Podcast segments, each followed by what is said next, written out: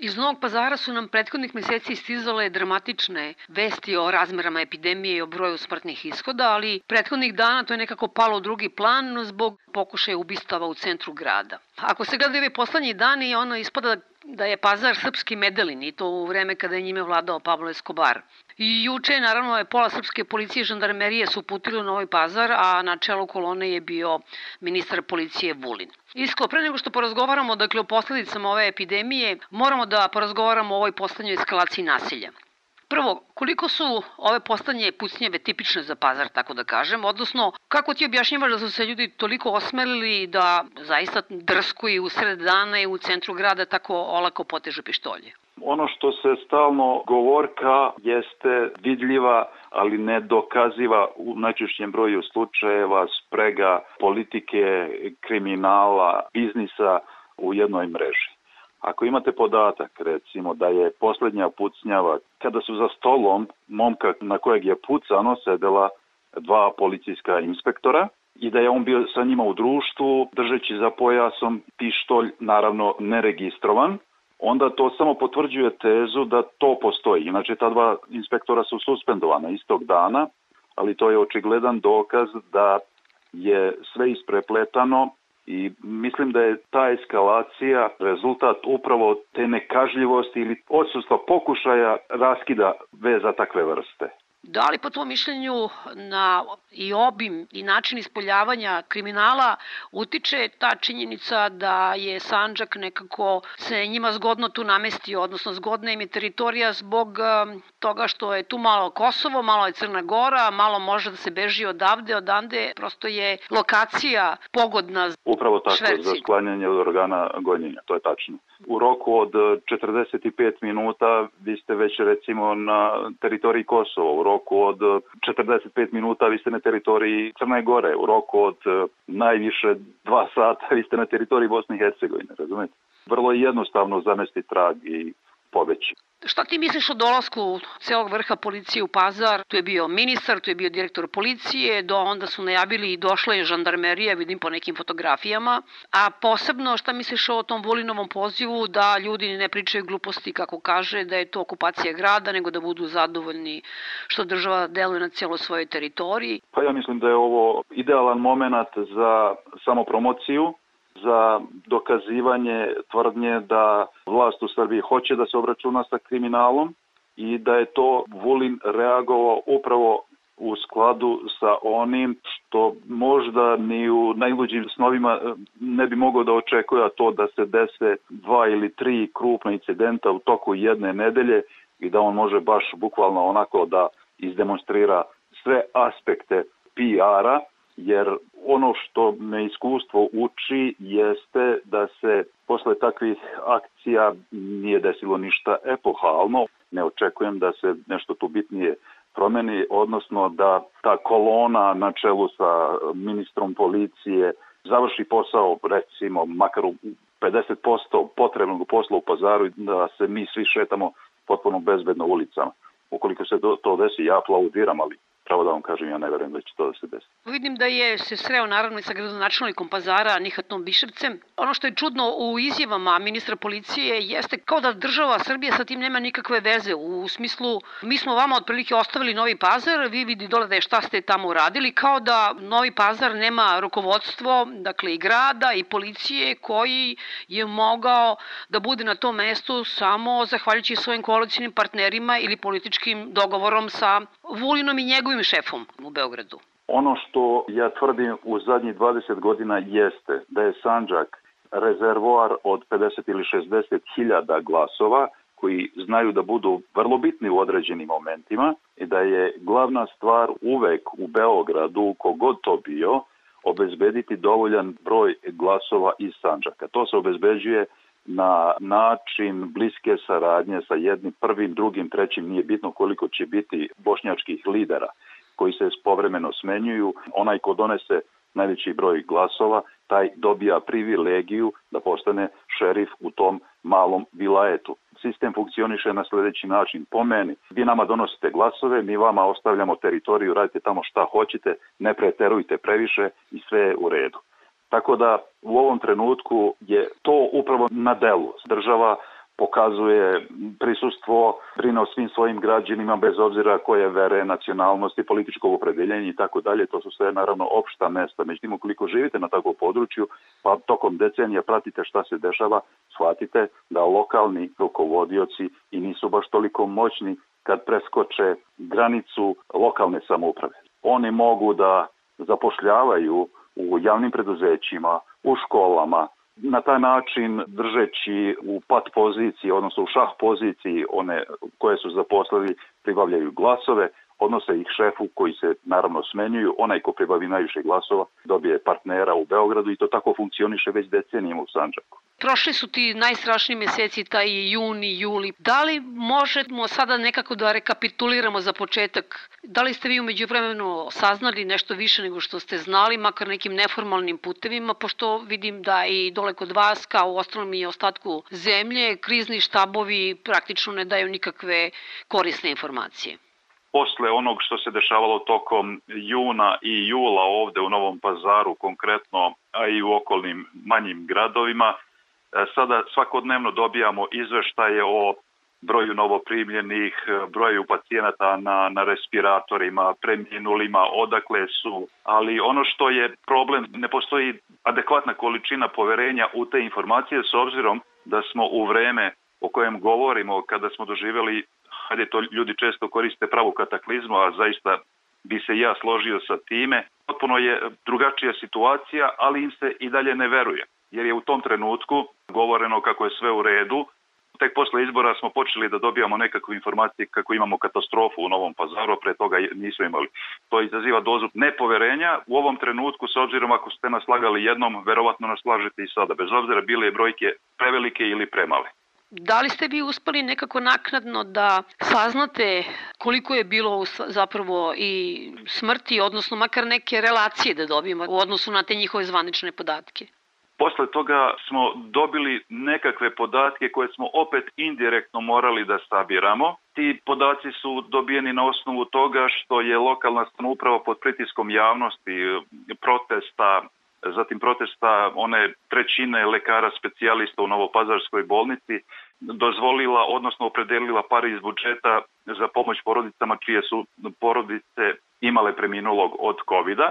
Sve što se dešavalo pre toga, imamo jedan zvaničan podatak u jednom trenutku iz kriznog štaba da je od covid tokom tog kriznog perioda preminulo 100 pacijenata. Međutim, brojke koje smo mi kao mediji prikupljali okolo naokolo, do koji smo došli pozivanjem verskih zajednica, crkve, jedne islamske zajednice, druge islamske zajednice i sabiranje tih brojeva koji su prilično onako bili nepouzdani u pojedinim trenucima jer su neki odnosili na neki period, neki drugi na drugi period.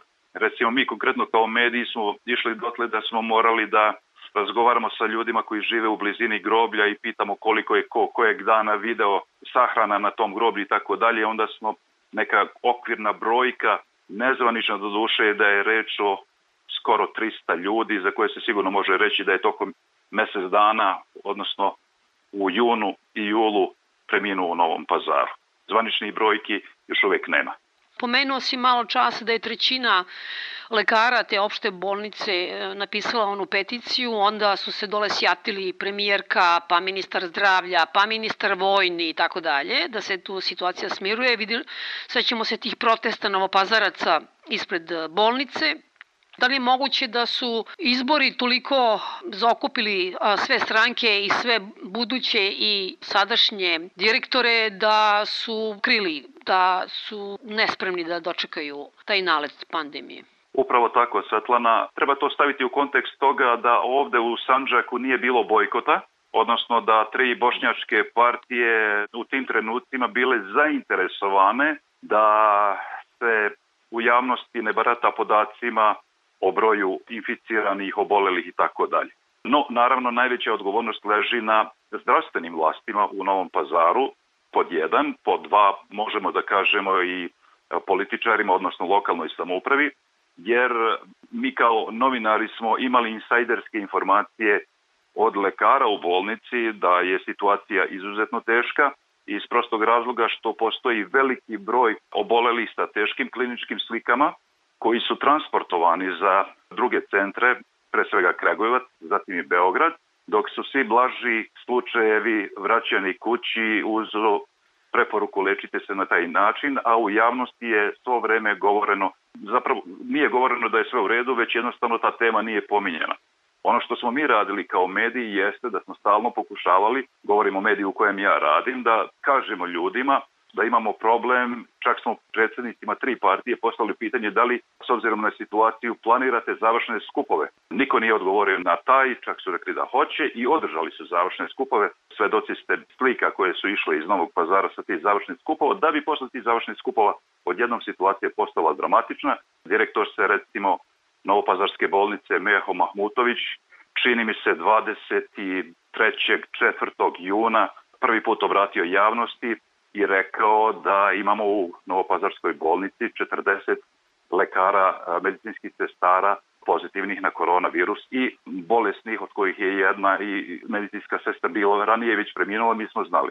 Elem, na sceni je bilo sistematsko, plansko zataškavanje situacije samo da bismo izašli na izbore, odnosno da ste vi jedan broj na biračkom spisku, jedan glasački listić koji treba od vas uzeti po svaku cenu. I to je ono što većinu Novopazaraca u ovom trenutku boli. Jednog časa je bilo odavde iz Beograda nekih insinuacija da je za tu eksploziju zaraženih odgovor na proslava Bajrama. Da, sećam se i onog čuvenog predsednikovog lupanja po čelu Ah džamije i Bajrami. Posjetit ću da je Bajram bio nekoliko nedelja ranije od te eksplozije koja se desila ranije, a mislim da je, ja nisam naravno ni epidemiolog ni virusolog, ali ako znate da je u prvoj polovini juna da su sve tri partije organizovale na stotine sastanaka raznih foruma, raznih partijskih organizacija, omladinskih, ženskih, strukovnih, svakakvih, da se sve održavalo u zatvorenim prostorima, iako znamo da su lideri svih partija bili pozitivni na koronavirus, iako ni to nikada nisu priznali, osim, ja mislim, gospodina Zukorlića, onda je potpuno jasno da je eksplozija infekcije bila tokom predizborne kampanje. Molim te, pomozi nam malo bolje da shvatimo tu vezu koja je organska izgleda između direktora bolnice Mahmutovića, pa onda ovog Đerleka koji je ga je zamenjivao jedno vreme, pa je taj Đerlek postao državni sekretar u Ministarstvu zdravlja. Ne mogu da pohvatam gde je koji. A oni su opet vezani za političke stranke, dakle vi tu imate baš onako tu vezu između direktora zdravstvenih ustanova i političkih stranaka. Naravno, gospodin Đerlek i gospodin Mahmutović su i blisko rodbinski vezani takođe, iako Đerlek ima sobstvenu partiju na čijem je čelu, a Mahmutović je visoki funkcioner Sanđačke demokratske partije koji je osnovao aktualni predsednik SDP-a Rasim Ljajić. Činjenica je da su se njih dvojica smenjivali u zadnjih 15 ili više godina na, na toj poziciji, ali je fakat da ta partijska i porodična veza između ove dvojice gospode naravno je vrlo jasna i očigledna. Pročitala sam izjavu novog državnog sekretara u Ministarstvu zdravlja gospodina Đerleka koji je rekao za razvoj Novopazarske bolnice zaslužan je Aleksandar Vučić. On iskoristi svaku priliku da kaže da je za razvoj svega i svačega zaslužan Aleksandar Vučić i naravno njegov ministar Zlatibor Lončar. Jednom prilikom je bilo prilično smešno na jednoj konferenciji za novinare kada je on upravljao COVID e, regionalnim centrom pre nego što je postao državni sekretar govorio kako je ministar Lončar Novom pazaru poslao sanitetsko vozilo. Ja ga pitam pa o čemu se radi, je li on to kupio iz džepa Njegov odgovor je bio, pa da nije bilo njega to vozilo ne bi bilo tu. Čak i u onom e, momentu kada je bilo najstrašnije u Novom pazaru, stizala je pomoć, naravno i iz drugih gradova dolazili su, sećam se, lekari iz Kragujevca, ali je mnogo pomoći stiglo iz Turske, a onda vidim da su Ujedinjeni Arapski Emirat pomogli da se izgradi taj diagnostički centar, pa ne znam, Turska razvojna agencija. Svi ti objekti su podignuti izgrađeni donacijama, konkretno diagnostički centar iz kojeg su stalno išle one slike slike gde biste stekli utisak da je to Novopazarska bolnica izuzetan objekat je donacija Ujedinjenih Arabskih Emirata Tika je renovirala recimo koliko se sećam ginekološko odeljenje ginekološko odeljenje i tako dalje. Bitno je to da se svo vreme potencira to ulaganje, ja se sa time ne slažem, ulaganje su minimalna, Novopazarska bolnica nije takva kakvom se želi predstaviti.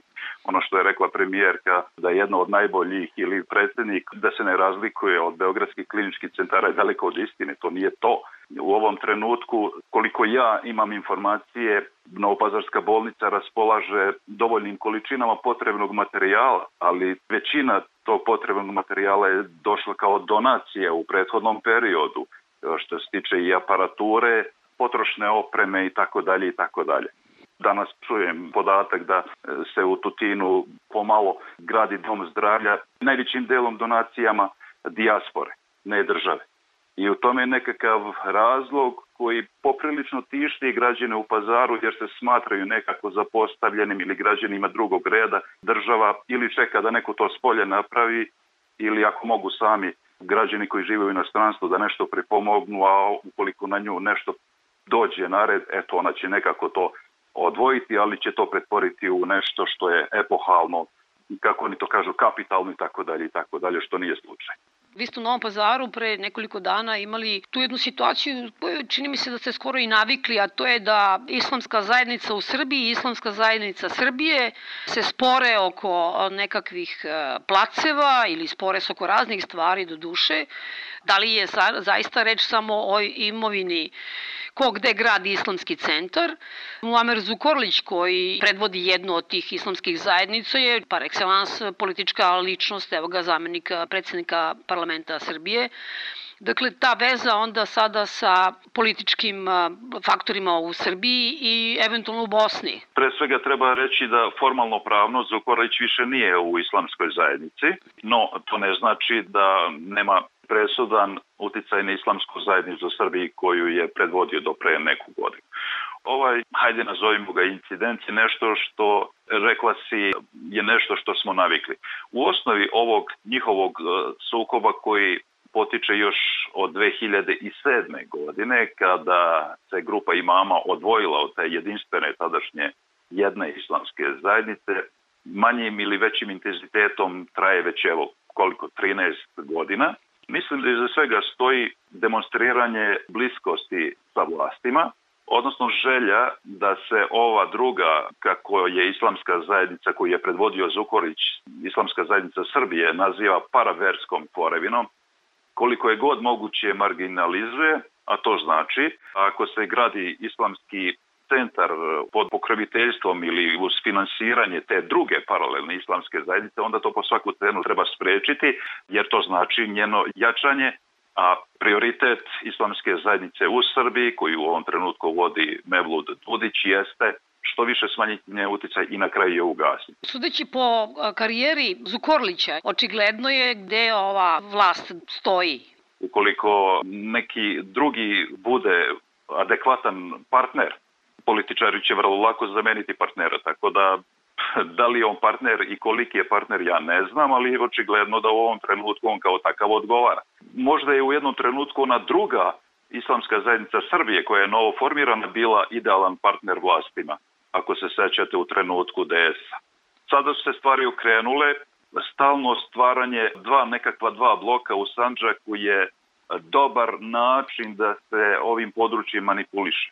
Ako se sećate, malo da napravim ja digresiju, idemo na 2000. godine i na Rasima Ljajića i Sulejmana Ugljanina. Tako je. E, to je bio stalni rivalitet koji je trajao, trajao dok e, njih dvojica nisu shvatili da polako gube e, svoje članstvo jer ljudima više bilo dosta toga. Kada je ta priča potrošena, otvorilo se pitanje islamske zajednice dve i to sad funkcioniše po tom principu. Tako da ja očekujem da će to korišćenje jedne ili druge strane e, privlačenje jednom političkom taboru i drugom političkom taboru trajati još neko vreme ili dok se ova država ne uredi, a kad će to biti to pitanje.